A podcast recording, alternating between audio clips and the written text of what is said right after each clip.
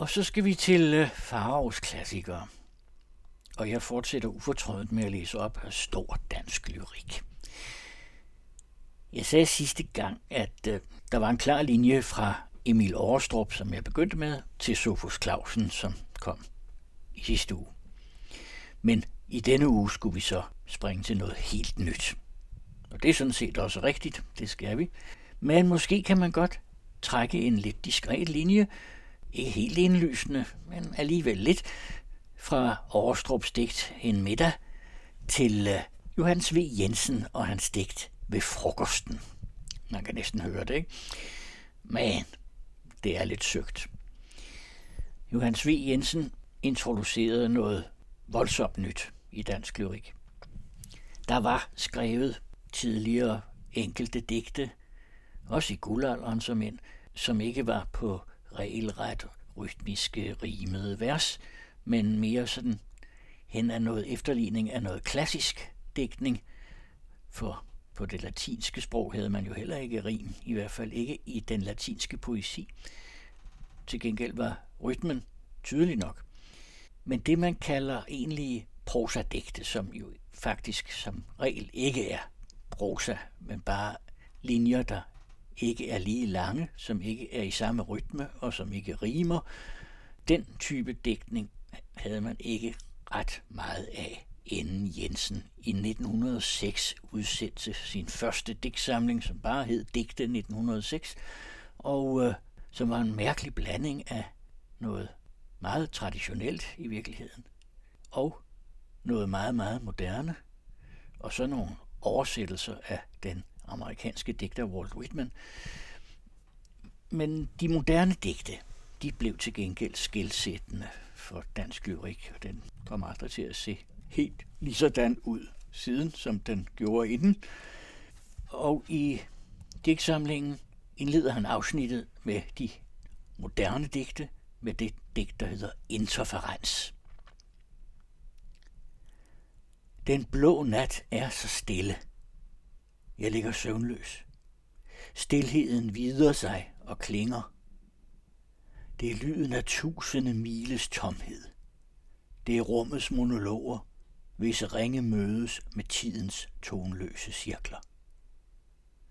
Min puls, mit hjertes hede spænding holder mig vågen. Men jeg overvejer med kølig hu. En kraft passerer mine nerver, og jeg ligger som livløs. Længe tænker jeg med iskold ro på den flammende utålmodighed, der er min skæbne. Pludselig føler jeg ganske fattet og uden at røre mig en ulidelig smerte slå ud i min bevidsthed og svinde igen. I morgen skal jeg stå op, ladet med eder og livsløst, som alle morgener før. I morgen skal jeg konfronteres med vaskefad, skohorn, tandbørste og hele historien. Tobak og solskin og tuborg fra fad. Og jeg tilstår, enten er dette topnoteringen af menneskelig lykke ægte efterlignet, eller det er en dum og sørgelig fiktion. Det nytter jo ikke at nægte det. Jeg nærer en synderdelende proces i mit hoved, så sårer jeg tænker. Min bevidsthed arbejder skærende. Jeg ødelægger af drift til trods for mig selv. Intet er sandt. Intet er umagen værd. Aldrig har der været følt smerteligere hovmod, end det jeg alene føler ved besiddelsen af mit sinds knivsystemer.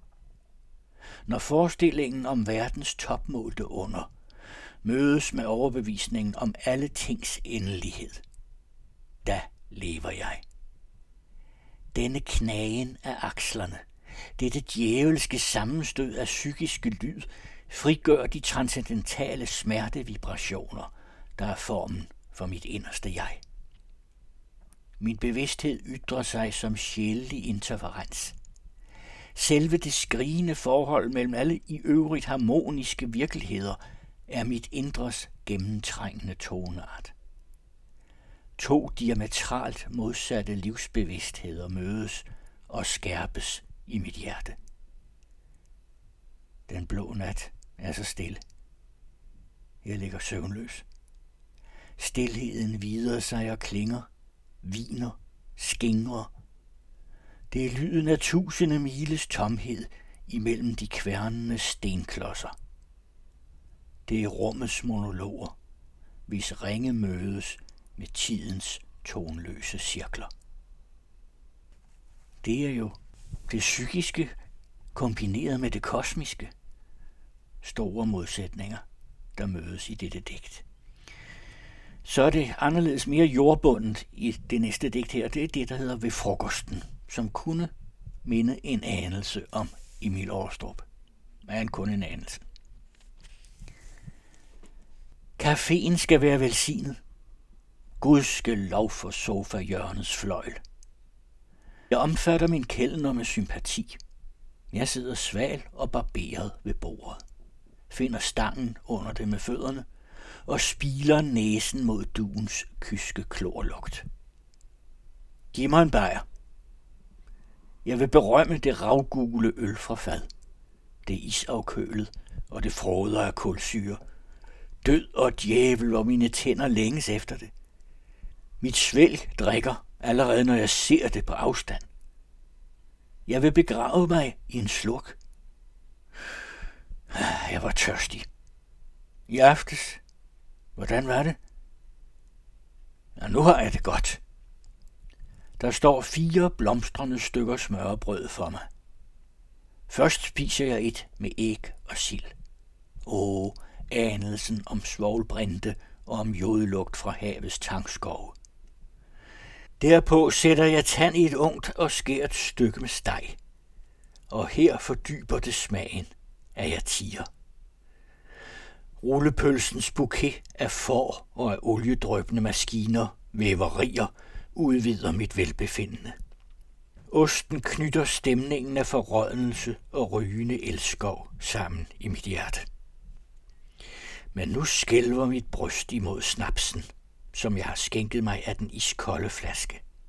Se, den spiller. Den ler klart. Jeg holder den op som en stor, levende diamant. Kornbrændevin. Kort sagt, Danmark. Her sidder jeg og bereder mig på det bedste øjeblik. Har godt. Hatte passerer vinduet. Meget folk færdes på gaden. Jeg har sagt til mig selv, at livet og solsystemet går glimrende. Skål! Jeg nedlægger ikke en harmfuld protest mod jordens vals mellem stjernebilleder, fordi jeg selv varmer bænke. Hellere lyser jeg lykken høfligt ud af mit hjerte, med samt alle glædespiger og skalmejer. Lykken og jeg forstod ikke hinanden.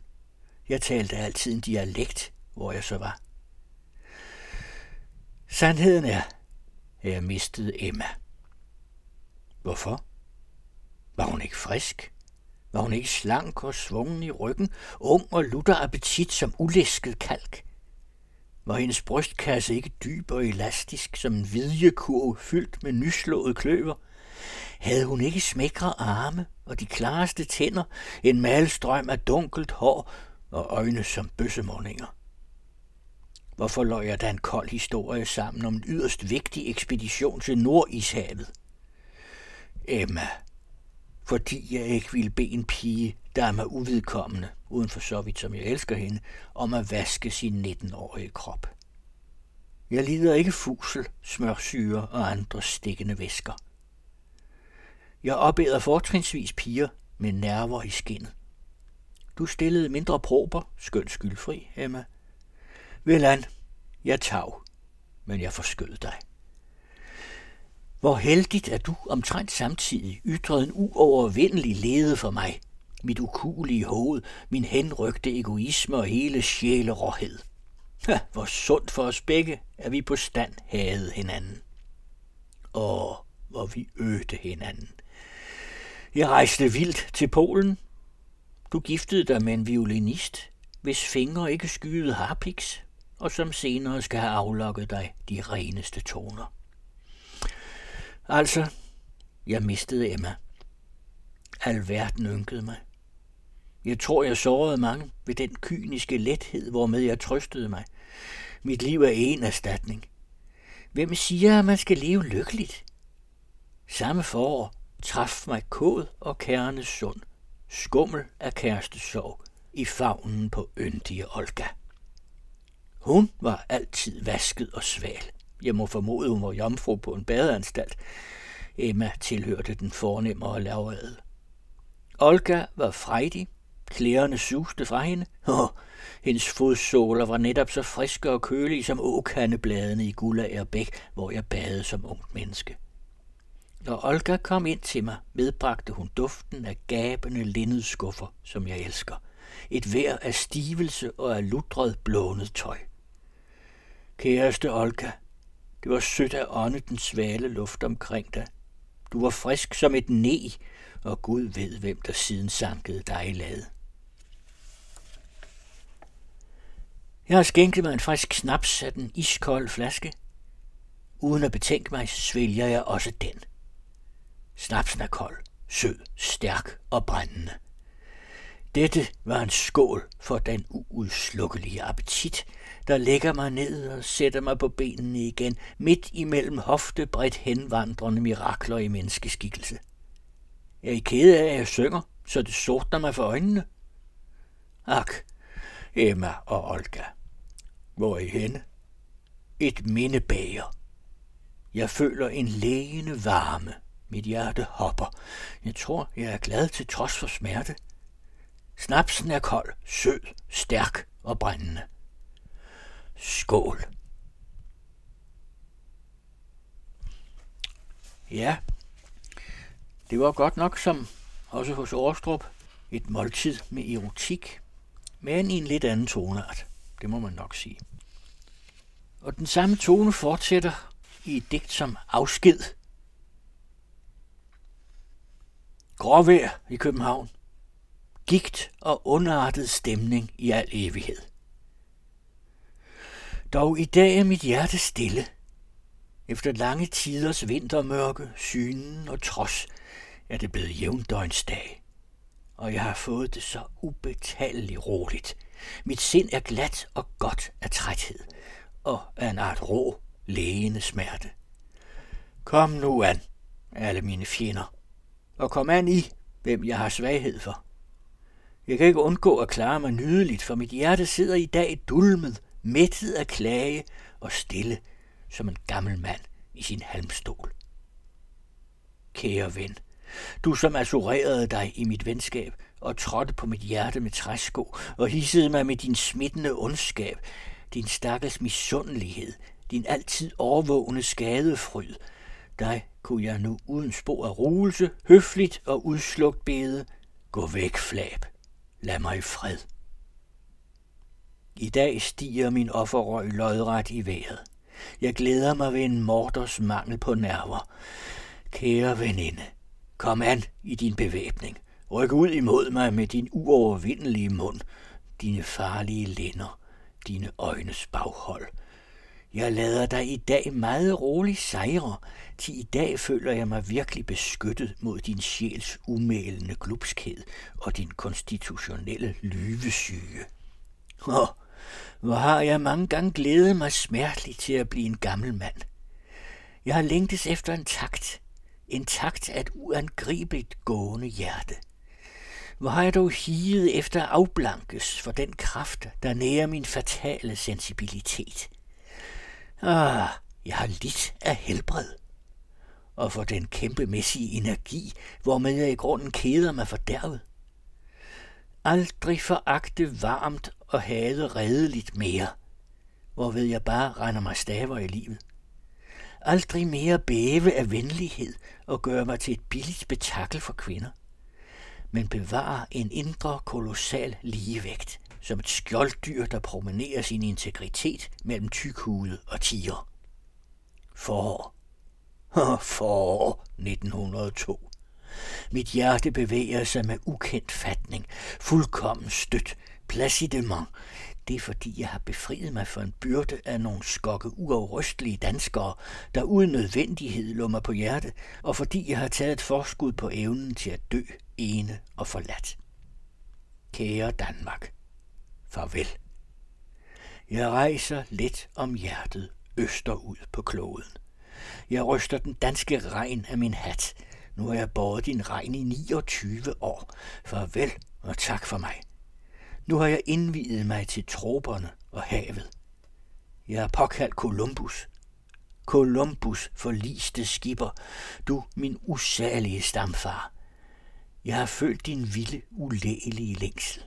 Jeg har kendt takten af dit blødende stormhjerte. Nu er jeg rede, du store dødning. Nu er jeg ensom nok, o Columbus. Mine karaveller duver nervøse under kysten og lægger snuderne sammen i jævndøgnsnatten og rykker i ankerkættingerne, stundende mod søen. Vinden er stik syd under sejl. Og så stak Jensen af til Østen, og derude fik han idéer til meget, der skulle skrives, når han kom hjem. Også til digtet Det røde træ. Tropenattens sydende kedel froder over mod morgen. Regn. Regn fra senit. Solen står op i et skybrud, og ud af det regnkvalte gry springer der et eneste lyn af en uhyre lysbringende kraft. Lange dråber, lodrette stave af vand står stille som glasting i luften. Men højt bag de strålende regngitre udbreder et blomstrende træ sin røde kæmpe krone. Så ildrød en åbenbaring i lynets lys og i morgenrøden, som en hed eruption af blod fra jordens hjerte. Og efter det forfærdelige brag, der sekunderer lynet, bliver alting dybt og stille, mens dagen øges og vandene suser. Nu mødes høst og forår, ved lynlys og under blændende regn i Singapores rødt blomstrende haver. For nu står træet drøbende grønt, flammende af blomster, og regnen, der stryger dets krone som med varme vandhænder, fejrer visne blomster og blade i haltende høstvals mod træets rod, mens lyse, skinnende knopper og skud alle vegne åbner deres øjne i kronen, der ryger af væde. Nu løfter træet sig lune over sit eget løvfald som et udødeligt bål, hvorfra der sner aske og med tusind nye ildspiger. Hå!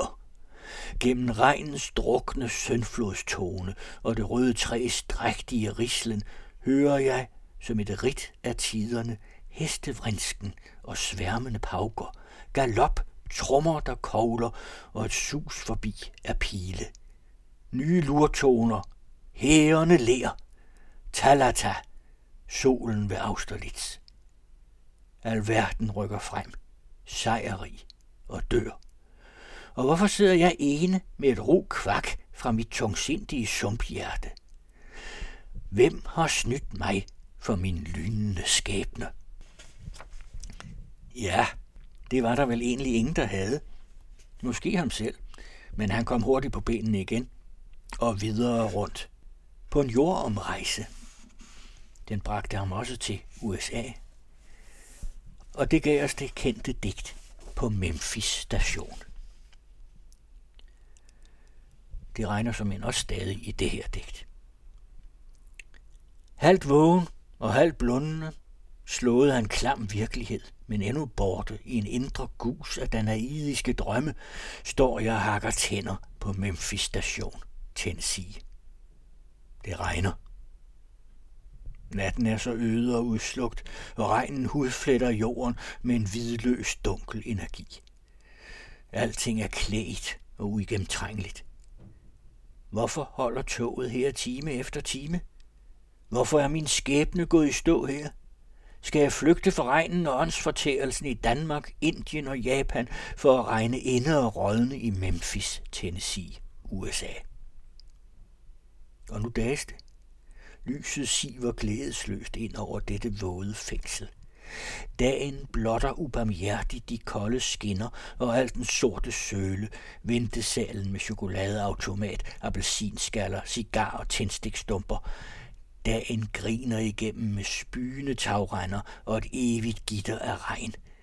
Regn, siger jeg, fra himmel og til jord. hvor verden er døv og uflyttelig, hvor skaberen er talentløs, og hvorfor bliver jeg ved med at betale mit kontingent til denne plebejiske knejpkur af en tilværelse? Stille. Se, hvor maskinen, den vældige tingest, står rolig og syder og hylder sig i røg. Den er tålmodig. Tænd pipen på fasten liv. Forband Gud og svæl din smerte. Gå så dog hen og bliv i Memphis. Dit liv er jo alligevel ikke andet end et surt regnvejr, og din skæbne var altid at hænge forsinket i en eller anden miserabel ventesal. Bliv i Memphis, Tennessee. For inde i et af disse plakathudende huse venter lykken dig. Lykken, hvis du blot kan æde din utålmodighed. Og så her så en rund, ung jomfru med ører begravet i sit hår. Hun kom der i møde en fin dag på gaden, som en bølge af vellugt med en mine, som om hun kendte dig. Ja, det er ikke forår. Falder regnen ikke frodigt? Lyder den ikke som en forelsket mumlen, en lang, dæmpet kærlighedspassiar, mund mod mund mellem regnen og jorden? Dagen gryede så sorgfuldt. Men se nu lyser regnfaldet. Under du ikke dagen dens kampret? Det er dog nu lyst, og der slår muldlugt ind mellem perrongens rustne jernstiver, blandet med regnstøvets ramme ånde. En forårsanelse. Ja, det er ikke trøstigt. Og se nu, se, hvor Mississippi i sin seng af oversvømmede skove vågner mod dagen. Se, hvor kæmpe floden nyder sin bukning. Hvor den flommer kongeligt i bue og svinger flåder af træer og lasset drivtømmer i sine virvler. Se, hvor den fører en uhyre juldamper i sin søndflodsfavn, som danser, der er herre på gulvet. Se de sunkne næs. Åh, oh, hvilken urmægtig ro over landskabet af druknende skove. Ser du ikke, hvor strømmens morgenvande klæder sig mile bredt med dagens tarvelige lys og vandrer sundt under de svangre skyer? Fat dig også du, uforsonlige. Vil du aldrig glemme, at man lovede dig evigheden? Forholder du jorden din arme taknemmelighed? Hvad vil du da med dit elskerhjerte? Fat dig og bliv i Memphis. Meld dig som borger på torvet. Gå ind og livsassurer dig imellem de andre. Betal din præmie af lumpenhed, at de kan vide sig sikre for dig, og du ikke skal blive hældt ud af foreningen. Gør kur til hin jomfru med roser og guldring, og start et savskæreri som andre mennesker. Hang roligt op i gummistøvlerne. Se dig ud, smøg din vise pibe i Sphinx forladte Memphis. Ah, der kommer det elendige godstog, som vi har ventet på i seks timer. Det kommer langsomt ind, med knuste sider. Det pifter svagt. Vognene lammer på tre hjul, og de sprængte ruf drøber af jord og slam. Men på tænderen mellem kullene ligger fire stille skikkelser, dækket af blodvåde frakker. Der pruster vores store ekspresmaskine, går lidt frem og stanser dybt sukkende og står færdig til spring. Sporet er frit, og vi rejser videre gennem de oversvømmede skove under regnens gabende sluser. Jensens lidt regnvåde mismod her, som pludselig bliver kontrasteret med en ulykke og med fire sårede eller døde skikkelser. Så er det ligesom om han lever op, og det gør den store ekspresmaskine også. Og så går det videre ud gennem verden.